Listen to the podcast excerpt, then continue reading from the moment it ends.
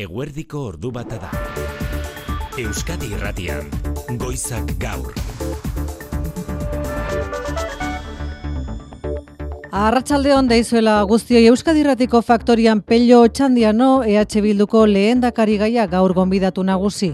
Apirilaren hogeita batean espero ditu legebiltzarreko hauteskundeak eta aurreneko aldiz EAJaren eta EH Bilduren arteko benetako leia. Nafarroak edo Iruñeak erakutsi duten bide beretik Euskal Autonomia Erkidegoan ere indarrean den gobernugintza baztertzailaren eredua gainditu beharra dagoela aldarrikatu du. Eta eneko handueza sozialistak EH Bildurekiko gobernu akordioi behin eta berriz at hitza emateraino atea itxiarren, otxandianok esan du gizartea politikaren aurretik doala. Iruñak eta Nafarra demostratzen du posible dela bestelako zerbait. De hecho, esango nuke hiru herrialde dutan ja ba salbuespen egoera badaukaguna. Beste eh, leku batzuetan iristen ari da bestelako politika, bestelako gobernantza ereduat eta hemen oraindik batzuek eusten diote estatus estatus quoari eta planteatzen ari dira aliantza bat erreaktiboa dena. Euskadi Irratian otxandianok egindako gogoetari bere ala eman dio erantzuna eneko handuez alderdi sozialistaren idazkari nagusiak esanez Nafarroan pesek gero abairekin edo EAJarekin gobernatzen du Iruinean EH Bilduk gero abairekin edo EAJarekin zer nahi du otxandianok. Otxandan, otxandiano jaunak esan duenaren arabera Iruñako eta Nafarroako ereduak mai gainean jarri baditu hor bi eredu daude. PSE lidergoa daukan gobernu bat EAJarekin edo EH Bildu daukan lidergoa EAJarekin. Erantzutia dauka eta oso simplea da.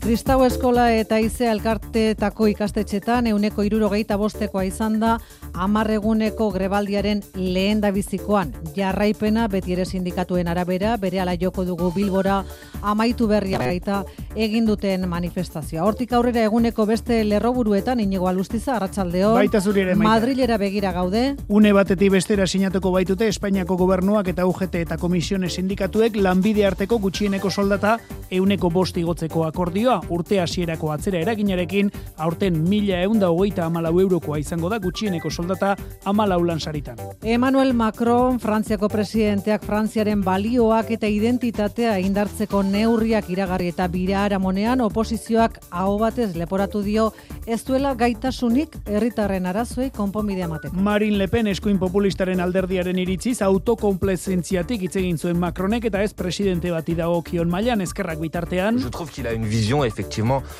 assez euh, réactionnaire. Erreakzionariotza joduaren itzaldia, hildo horretan kezkatu da mintzatuta, kezkatuta mintzatu da Euskadi Erratiko Faktorian, Peio Jora Juria Seaskako presidentea ikastetxeetan uniformea ezarriz, Marsellesa ere sarkia erakutsiz, edota hezkuntza zibikorako ordoko puru handituz, Frantziar nazionalismoa areagotu nahi duelakoan Macronek. Hezkuntza baliatu nahi du nazionalismoa azkartzeko Frantzia. Nahi du eskolak formaditzan frantses onak, Frantzia maitatuko dutenak eta gobernuaren hitza ez dutena zelantzan ezarriko. Gazako herritarren sufrimentuak bihotza austeraino unkitzen duela adirazi du Anthony Blinken estatu batuetako estatu idazkariak gaur Davoseko ekonomia foroan. The suffering we're seeing among innocent men, women and children breaks my heart. Eta erantzi estatu palestinar sendoa litzatekeela gatazkaren konponbidea Israelekin aurrez aurre ez baizik eta harremanetan legokeena. Gazan bitartean, ados jarri, ados jarri dira azken orduotan Hamas eta Israel herritarrei laguntza humanitario handiagoa eman diezaieten eta baitutako iberriz sendagaiak. Atzera etxean ez behar larria gertatu da Nafarroan berrogeita emeretzi urteko kamioilari bat hil baita N da hogeita bat errepidean kaldreita parean zisterna kamioi batek eta garabi kamioi batek talka egin ostean. Zer gehiago dakigu patxi irigoien iruña arratsaldeon. Arratsaldeon istripua goizeko zortzi terdiak aldera gertatu da, beste gizonezko bat ere larri zauritu da eta helikoptero medikalizatuan eraman behar izan duten Nafarroako Unibertsitate Hospitalera. Hilakoa berriz, berroita emeretzi urteko gizon bada, garabi kamioi bagidatzen ari zena, larri alditako zerbitzuek ezin izan dute zer egin, haren bizitza salbatzeko eta bertan hilda. Larri zauritutakoak zisterna kamioiko gidariak pronostiko larria du eta politraumatismoak ditu. Nafarroan, astebetean bidez behar batean hilden hirugarren pertsona da. Bestela errepidesaren nagusian une honetan ez da aparteko arazorik. Jarlaritzako segurtasun sailak alerta laranja ezarri du Araba eta Bizkaia mendebaldeko mendialdean eta aizeguneetan orduko eunda hogei kilometrotik gorako ufadak izan daitezkeelako gaur arratsaldeko seiretatik bihar goizeko bederatziak arte izango da indarrean alerta laranja aize zakarragatik. Abisu hori izango da Euskal Autonomia Erkidegoko gainerako eremuetan eta Nafarroa iparraldean eguzkina iturriot, Euskalmet arratsaldeon Arratsaldeon. Hortaz, eh, aizea protagonista hurrengo orduetan. Hori da, bai, aizea indartu egingo da ondorengo orduetan, eta edonon, aize boladek, larogei kilometro orduko abiadura gaindi dezakete, eta bizkaiko eta arabako lekurik aizetxe honetan, baliteke onda hogei kilometroko abiadura gainditzea. Gainerakoan, odei ugarirekin jarraituko dugu, temperatura altuekin, eta ez da baztertzen tanta batzuk botatzea. Eta datorren gaua ere oso epela izango da. Eta bihar, eguzkine bitzetan, Eguerdira arte antzera jarraituko dugu haize zakarrarekin eta temperatura altuarekin, baina gero eguraldia era bat aldatuko da. Eguerdi inguruan iparmendebaldera egingo du haizeak eta fronte bat gaineratuko zaigu. bihartik aurrera hasiko gara galdezka zenbateraino egin behar duen hotza hurrengo egunetan eguzkine, bihar arte, Bai, bihar arte. Bilboko aireportuan hain zuzen ere, elurragatik, Munitzen eta Frankfurten egon diren goraberagatik bertan bera geldatu dira bi hegaldi, ezta? Eta ondorioz, bai, eta ondorioz, egaldi horien ondorengoko aireratzeak ere, bi hiri horietara abiatu behar zirenak bertan bera utzi dituzte, elurra eta izotza arazo handiak da eragiten, Alemaniako hainbat aeroportutan, tartean Frankfurteko aireportu handi eta garrantzitsu horretan, Frankfurten bosteun egaldi utzi dituzte bertan bera. Kiku bat orain getariara atzo gure sagardo berria ezagutu genuen ordu honetan astigarragan eta gaur 2023ko txakolinaren uztaren berri izan dugu. Getarian bertan da Jose Juan Ugalde. Aurrera Jose Juan. Kaixo, Sebastian Lizaso eta Andoni Egainaren bertsoek bandera jaitsita hasi da hemen txakolin eguna. Festa hundia getarian, eunka pertsona elkartu da hemen. Kopatxoak amaitu egin dira. Aurkezpen ofiziala Valentziako Valentziaga museoan eh, egin dute, bertan izan dira Arantza Tapia sailburua, Bitor Oro sailburu ordea eta Ider Mendoza aldu nagusia, beste batzuen artean, 2023ko ustari dagokionez 2,7 milioi litro aurreko urtean baino euneko hogei gutxiago eguzki faltagatik. Alere, txakolin paregabea, jatorri deituraren kontseiluko presidente berriak, itziar eizagirrek xeetasunak. gradu erdi bat gutxixio izango du, ba hori eguzki falta izan dulako, baina garrastasuna mantentzeko aukera izan dugu. Ze garrastasuna eta txinpartadia txakolinai emateizkion esogarririk garrantzitsuenetako bat. Ze horrek emateio freskotasuna gure txakolinari. Txinpartarekin etortzen da beti Jose Maria Paula Arratsaldeon. Arratsaldeon, Maite. Gaur Iruinean osasuna Reala Kopako derbia. Bai, eta osasunak iaz bizi izandako giro hori sartu nahi du, sortu nahi du berriro gaur bere zaleen laguntzarekin sadarren inoizko ikusle marka utziko den, hori da momentu honetan galdera, inguru magiko baten eskezen atzo arrasatea azken laurdenetan nor sartuko den gaurko derbiak erabakiko baitu. Bartu urratsa atletikek eman du, jokoz biziago, eta ate aurreetan alabez baino eragingarriago ibili delako. Gaur Euskadiratian Alex Txikon entzungo dugu, anapurna neguko egoerari uko egin ostean.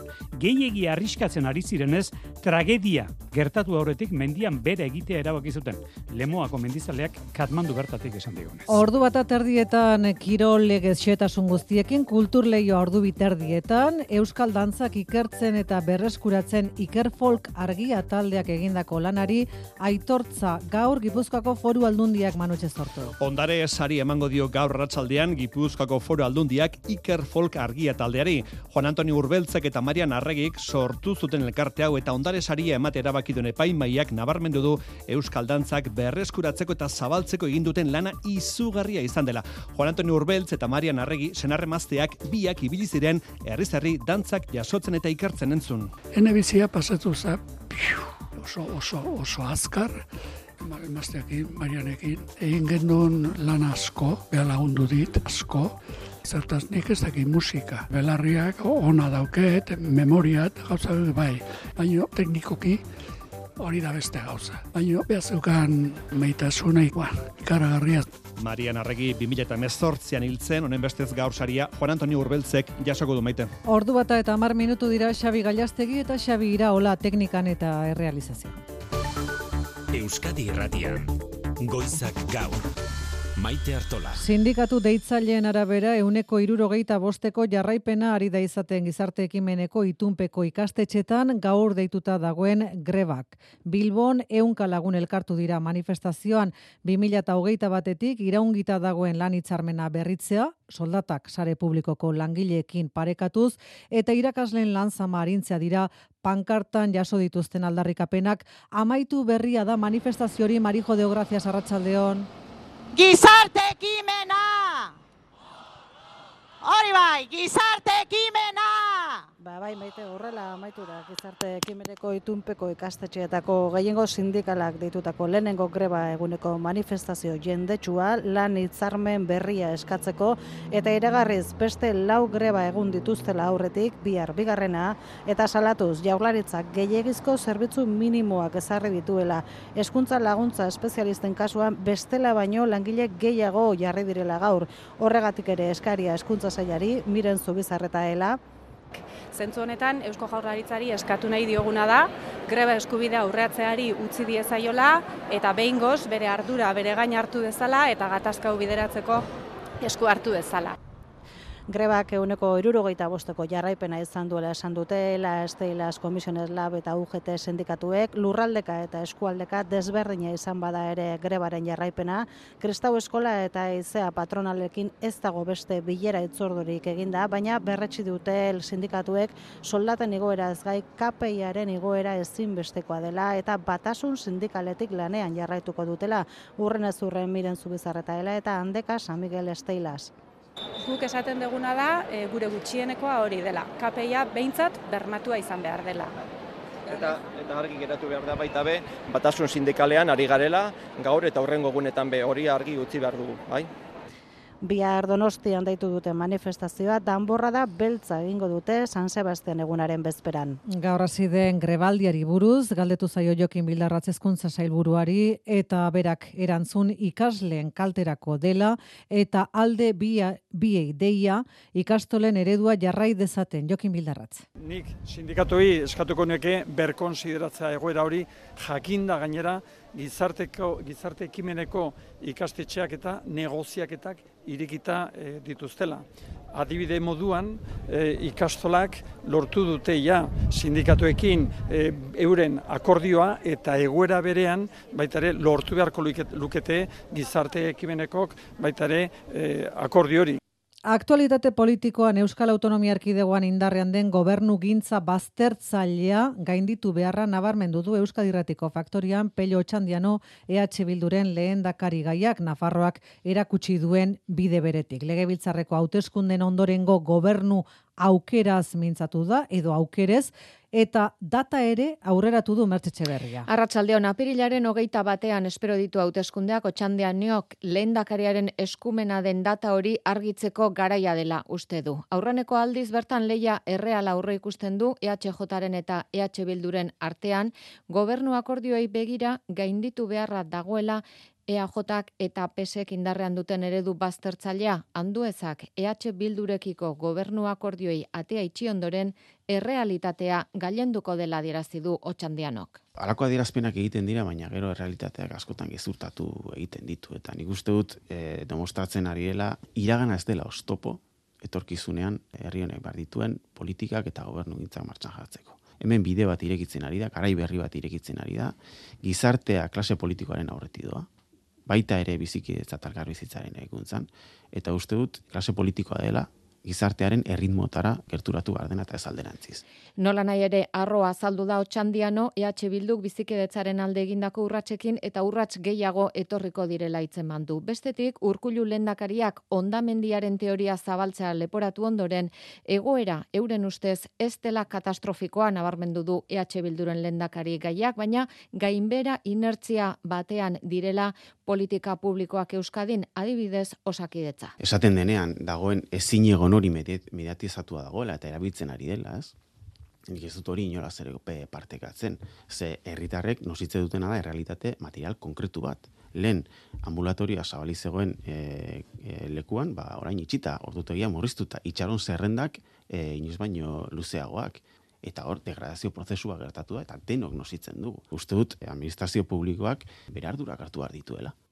Bihar eta etzi legebiltzarreko ponentzian eztabaidagai izango den klima aldaketari buruzko legean berriz akordio aukera ikusten du EH Bilduren eta EAJ PSren artean alderdi interesen gainetik herri ikuspegia gailentzen denean adostasun garrantzitsuak posible direla erakutsiko lukeen akordioa otxandian oren hitzetan. Otxandianok Nafarroako eta Iruñeko ereduak aipatuta baztergarriak diren gobernuen garaiak agortuta daudela adierazi du, entzun duzuenez, peseko eneko handuezari zuzenduta, eta eneko handuezak bere ala erantzun. EH Bilduk egunen batean peseren gobernua kanpotik babesteko aukerari ez aterik itxi, baina kontrakoari ez aterik ireki. Nola nahi ere esan du handuezak, urrengo hauteskundeetan gidoia aldatu dezaken alderdia, alderdi sozialista dela.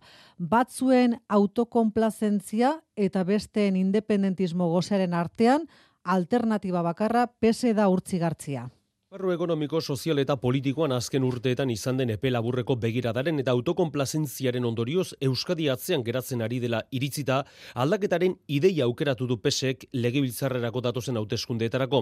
Horrek gobernu aldaketarik ekarriko duen argitukabe, peio txandianok Euskadi ratien eipatu dituen iruñetan afarroko ereduez galdetuta, hause, eneko handuz Euskadiko sozialisten idazkari nausita lehendakari gaiak erantzun duena bi eredu bai gainean jarri ditu, ba, erantzutia dauka zer nahiago dau. PSE lidergoa daukan gobernu bat EAJarekin edo EH Bildu daukan lidergoa EAJarekin. Erantzutia dauka eta oso simplea da. Eta zalantzak usatu barik EH Bilduk kanpotik babestuko luken PSren balizko gobernu baten aukeraz hause esan duan duezak. Ikusiko da. Lehenik eta behin jendeak boskatu beharko da. Osea, askotan gai hauetaz berba egiten dugu eta esan dezakegu protagonismoa koalizioetan jartzen dela eta ez programetan. Aurre kanpainaren mugarri nagusiak azaltzeko prentxaurrean, hauteskundetarako programaren zertzala batzuk aurreratu dituan duezak, osakidetza indartu eta transizio energetikoan urratsak ematea besteak beste maite. Euskadiko alderdi popularrak berriz, bi eguneko konbentzioa egingo du Bilbon, otxailaren hogeita lauean eta martxoaren bian ikusten ari zaretenez dagoeneko legebiltzarrerako hauteskunderako aurre kanpaina motorrak eh, erabat berotuta. Alberto Núñez Feijo, presidente etorriko da gainera itxiera ekitaldira eta han Euskadiko Popularrek aldarrikatuko dute eurena dela benetako alternatiba asunarozena. Bai, konbentzio horretan bederatzi arlo eztabaidatuko dituzte, arlo politikoa Ester Martinez, Euskadiko Popularren idazkari nagusiak idatziko du, datozen hauteskundeetarako alternatiboa bakarra popularrena dela adirazteko eta beharrezkoak direla Euskadi noreka lortzeko. Arlo sozialean kritiko, batez ere diru sarrera bermatzeko errentaren gainean egiten den kudeaketarekin, Javier de Andrés. Una parte de la sociedad que cree que va a poder vivir a cuenta de la renta de garantía de ingresos. Euskadiko Popularren presidenteak dio dioenez datuak aurkeztuko dituzte konbentzioan frogatzeko Euskadin badirela herritarrak lana egin baino gehiago nahiago dutenak laguntza horren kontura bizi. Euskadiko popularrek bide batez datorren astean proposamen bat aurkeztuko dute Araba Bizkaia eta Gipuzkoako batzar nagusietan gutxieneko soldataren euneko bosteko igoeraz baliatuko diren herritarrek presio fiskal txikiagoa izan dezaten.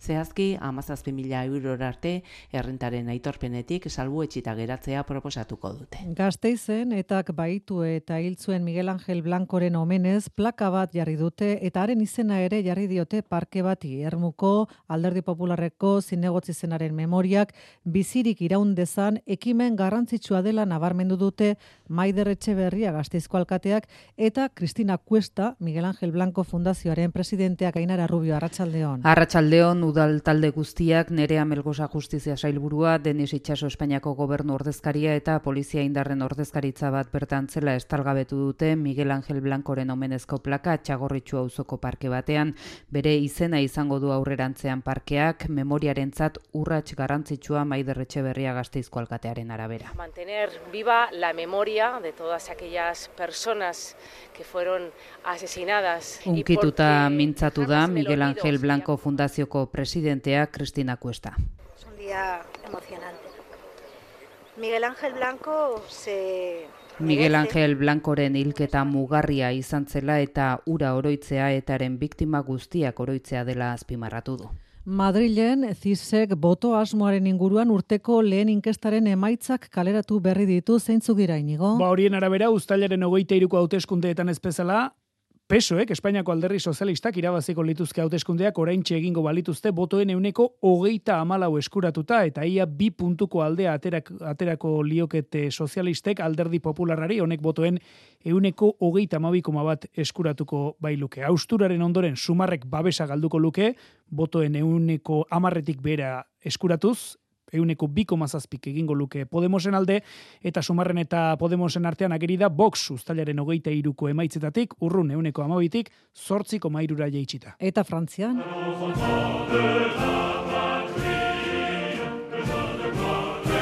Aurrek lehen ezkuntzan Marsellesa, Frantziako ereserkia ikastea, ikastetxetan uniformeak derrigortzea eta gazteek Frantziaren baloreak defendatzeko zerbitzu nazionala ikastaro berezi bat egitea. Horiek dira besteak beste Emmanuel Macron Frantziako presidenteak hezkuntza lorrean indarrean jarri nahiko lituzken neurriak. Datozen urteetako erronkei Frantzia indartsuago eta kohesionatuago baten bidez egin nahi diela aurre. Azpimarratu zuen atzo prentxaurreko luze batean Macron presidenteak oposizioak ordea gaur ez ditu begionez ikusi presidentearen neurriak gai identitarioei beharrean arlo sozialari begiratu dio oposizioak kritiko agertu dira presidenteak iragarrita hartutako neurriek ez, ditu, ez dituztelazko ez dituztelako euren iritziz herritarren arazoa konponduko. Parisen informazioa Iñaki Esna leite beren berri emalea garratsaldeon. Arratxaldeon egunkarien gainazalak bereganatu ditu Macronek denetariko iritziak daude ezkerreko prentxak Frantzia zaharra eta nostalgikoa deitu dio atzokoari.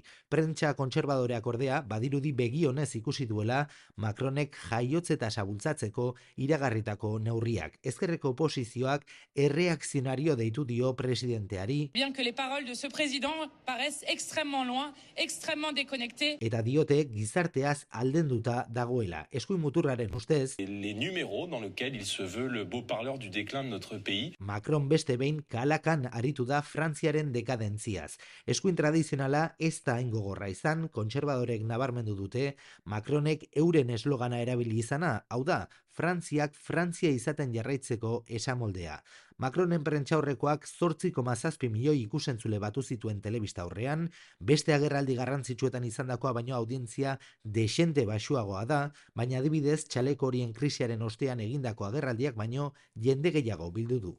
Arratsaldeko ordu bata eta hogeita bi minutu dira gazan, bertako herritarrek giza laguntza gehiago jasoalizateko akordio adostu dute Israelek eta Hamasek. Horren truke, baituei behar dituzten medikamentuak iritsiaraziko dizkiete Hamasen baimenarekin. Borrokak eta bombaketak ez dira eten jakina, baina berritasuna da bi aldeak baituen eta giza laguntzaren inguruan berriz negoziatzen hasi direla. Cisjordanian ostera egoerak okerrera egin du Mikel Aiestaran ekialde hurbilean berri emale arratsaldeon.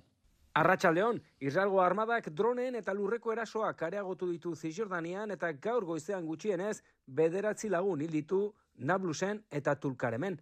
Gazako gerra piztu zenetik Cisjordanian ez da giro eta ez genuen ikusten horrelako indarkeria maila bigarren intifadatik. Gazan Israelek bombardaketak areagotu ditu eta hegoaldean operazioak indartu. Rafah irian. Israelek eta Hamasek akordioa lortu dute zerrendan botika gehiago sartzeko. Katarren eta Frantziaren bitartekaritzak islamistek zerrendan geratzen diren eun gatibuei sendagaiak ematea lortu du. Hamasek dio, gatibuentzako botika kutsa bakoitzeko mila sartuko direla gazatarrentzat entregak gurutze gorriak egingo ditu. Davoseko ekonomia foroan ekialde urbila izan dute aztergai Antoni Blinken estatu batuetako estatu idazkariak eta Antonio Guterres nazio batuen erakundeko idazkari nagusiak bi estatuko konponbideren alde mintzatu dira biak, baina Blinkenen hitzetan Israelekin harremanak izango lituzken estatu palestinar sendoa behar du izan. Guterresek gerrak egiten dituztenen impunitatea salatu du landera izagirre. Gerrak egiten dituzten nahi doan ateratzen zaie, zibilak hil, euren etxetatik kanporatu edota hauei gizalaguntza oztopatzea, Ukraina, Gaza edo Sudanera begiratuta, impunitatearen epidemia ikusten du munduan, Antonio Guterres nazio batuen erakundeko idazkari nagusiak. We see an epidemic of impunity around the world. Gatazka guzti hauetan bakearen alde agertu da Guterres, baina bake horrek nazioarteko zuzenbidean eta nazio batuen gutunean oinarritu behar duela zehaztuz. Bat etorri dira Guterres eta Blinken Palestinan eta Israelen bi estatuen konponbidea defendatzerako orduan. Estatu batuetako estatu idazkariaren esanetan, bihotza apurtzeraino unkitzen du gazan ikustenen ari den sufrimenduak, baina konponbidea zein den galdetu du hausgora. The suffering we're seeing among innocent men, women and children breaks my heart. The question is, what is to be done? Blinkenen esanetan etorkizuneko estatu palestinarrak orain baino sendoagoa izan behar du ustelkeriari gabekoa eta herritarren arazoa konpontzeko gaidena horretarako ezinbestekotza jo du Israelekin aurrez aurre beharrean hartu emanean egotea. Ekialde hurbiletik mugitu gabe Pakistaneko salatu du Irango gobernuak bere lurretara zuzendutako misil eta dron erasoa Teheranen esanetan talde jihadistak izan dituzte helburu, baina bi aurren eriotzaren berri eman du Pakistan egogoratu Irakeko Kurdistanen eta Sirian ere burutu dituela Iranek azken egun hauetan misilerasoak. Ordu bata eta hogeita sei minutu dira atzera etxean Bizkaiko lurralde auzitegian irugarren eguna gaur Alessandro Ionita hogeita lau urteko gazteak jasandako jipoi larria argitzeko epaiketak lekukotza eman duten ertzainen artean Bizkaiko ikerketa zerbitzuko buruak adirazi du talde kriminal bateko kideak direla akusatuen eserlekuan eserita dauden zazpi adin nagusiko gazteak. Areago, gisa honetako talde kriminal ugari daudela bizkaian. Bai, ertzainburu honek esan du identifikatuta dituztela epaitzen ari diren zazpi akusatuak barakaldon sortutako koala taldeko kideak direla. Ez dutela osatzen erakunde kriminal bat, ez dutelako buruzagi bat, baina bai talde kriminal bateko kideak badirela eta hause litzatekela euren helburua. La diversión, de ver el terror en los demás chavales, que son chavales siempre que van en dos, tres Izua personas. eragin eta biktima iesbiderik gabe utzi gabe, iesbiderik gabe jipoiak ematea, Bizkaian gisa honetako laureun eta bosteun gazte inguru daude, ama bostaldetan banatuta, ertzaintzako edo ertzaintzak Bizkaiko ikerketa zerbitzuan duen buruak esan duenez. Gertuen geratzen zaigun informazio horrekin jarraituta goierri eskualdeak eskaintza turistikoa indartu egin nahi du eta helburu horrekin 2030 marrera arteko plan estrategikoa jarri du abian. Besteak beste lehen sektorearen eta produktu gastronomikoen gida berria prestatuko dute gainera natura turismoko helmuga gisa duen ospea baliatuta Euskadiko lehen sendazaletasun edo senderismo foroa apirilean zegaman egingo dutela iragarri du Javier Hurtado jaularitzako turismo sailburuak Sisto Iturriaga goitia. Lehen sektorearen eta produktu gastronomikoen gida berria aste santurako izan nahi du prest goitur goierriko turismo agentziak izan ere Niko Osinalde zuzendariak azaldu duenez gero eta gehiago baitira turismo alorrean ere lanean hasi diren lehen sektoreko enpresak. lehen sektoreko eta produktu gastronomikoen gida berri bat e, gastronomiakin lotuta, baina bueno, gida bedezi bat e, e, argitaratuko da. E, horrek esan nahi du, geroz eta gehiago diela lehen sektoreko enpresa dibertsifikatzen nahi dinak eta turismoa da pasoa ematen nahi dinak. Herri txikien gida ere prestatuko du goiturrek haien eskaintza espreski sustatzeko. Natura da turismoan goierri duen indargunetako bat eta hori aintzat hartuta Euskadiko lehen sendazaletasun edo senderismo foroa apirilean zegaman egingo dela iragarri du plana aurkezteko agerraldian Javier Hurtado jaurlaritzako turismo sailburuak. Nafarrako gobernuak berriz argi berdea eman die bi herrilan haundirik gaur asteroko bileran lehena iruñeko etxe bakoitza auzoan amabi mila etxe bizitza baino gehiago eraikitzeko proiektua da. Eta bigarrena, bastanen azken urteetan polemika iturri izan dena, Magnesitas Navarras enpresak artesiagan egin nahi duen meategia udalaz gaindiko intereseko proiektu izendatu du txibiteren gobernuak elieraso. Bai, bastan eta esteribar baiaretan, erdiz auzoan kokatuko den meategiari bultzada mandio txibiteren gobernuak, Magnesitas Navarra enpresak iragarri du, emezortzi milioi euroko inbertsio eginda meatzeak hogeita meretzi lanpostu sortuko dituela, hogeita bost urterako ustiak eta izanen da, ama bi milioi tona magnesita lortzea du helburu besteak beste nekazaritzan erabiliko direnak. Oskar Txibite lurraldeko esiorako konseilariak aletu ditu proiektuaren aldeko apostua egiteko argudioak. Conllevará la inversión de 18 millones de euros por parte de la empresa empresa promotora que prevé extraer 600.000 toneladas al año. Erdiz bizirik plataformak salatu du bere aldetik, meategiak arriskuan jarriko dituela baztango tokiko ekonomia, nekazaritza, turismoa eta baita biztanleriaren osasuna ere. Bestalde, iragarri bezala, Iruñeko etxabako izauzoan, ama 2000 eta berreun etxe bizitza ere ikitzeko tramiteak arindu ditu foru gobernuak, horretarako egitasmoa, abiadurandiko trenaren geltokiaren obretatik berezi du. Ama 2000 eta berreun etxe bizitza horien erdia babes ofizialekoak izanen dira. Arratzaldeko ordu eta terdiak.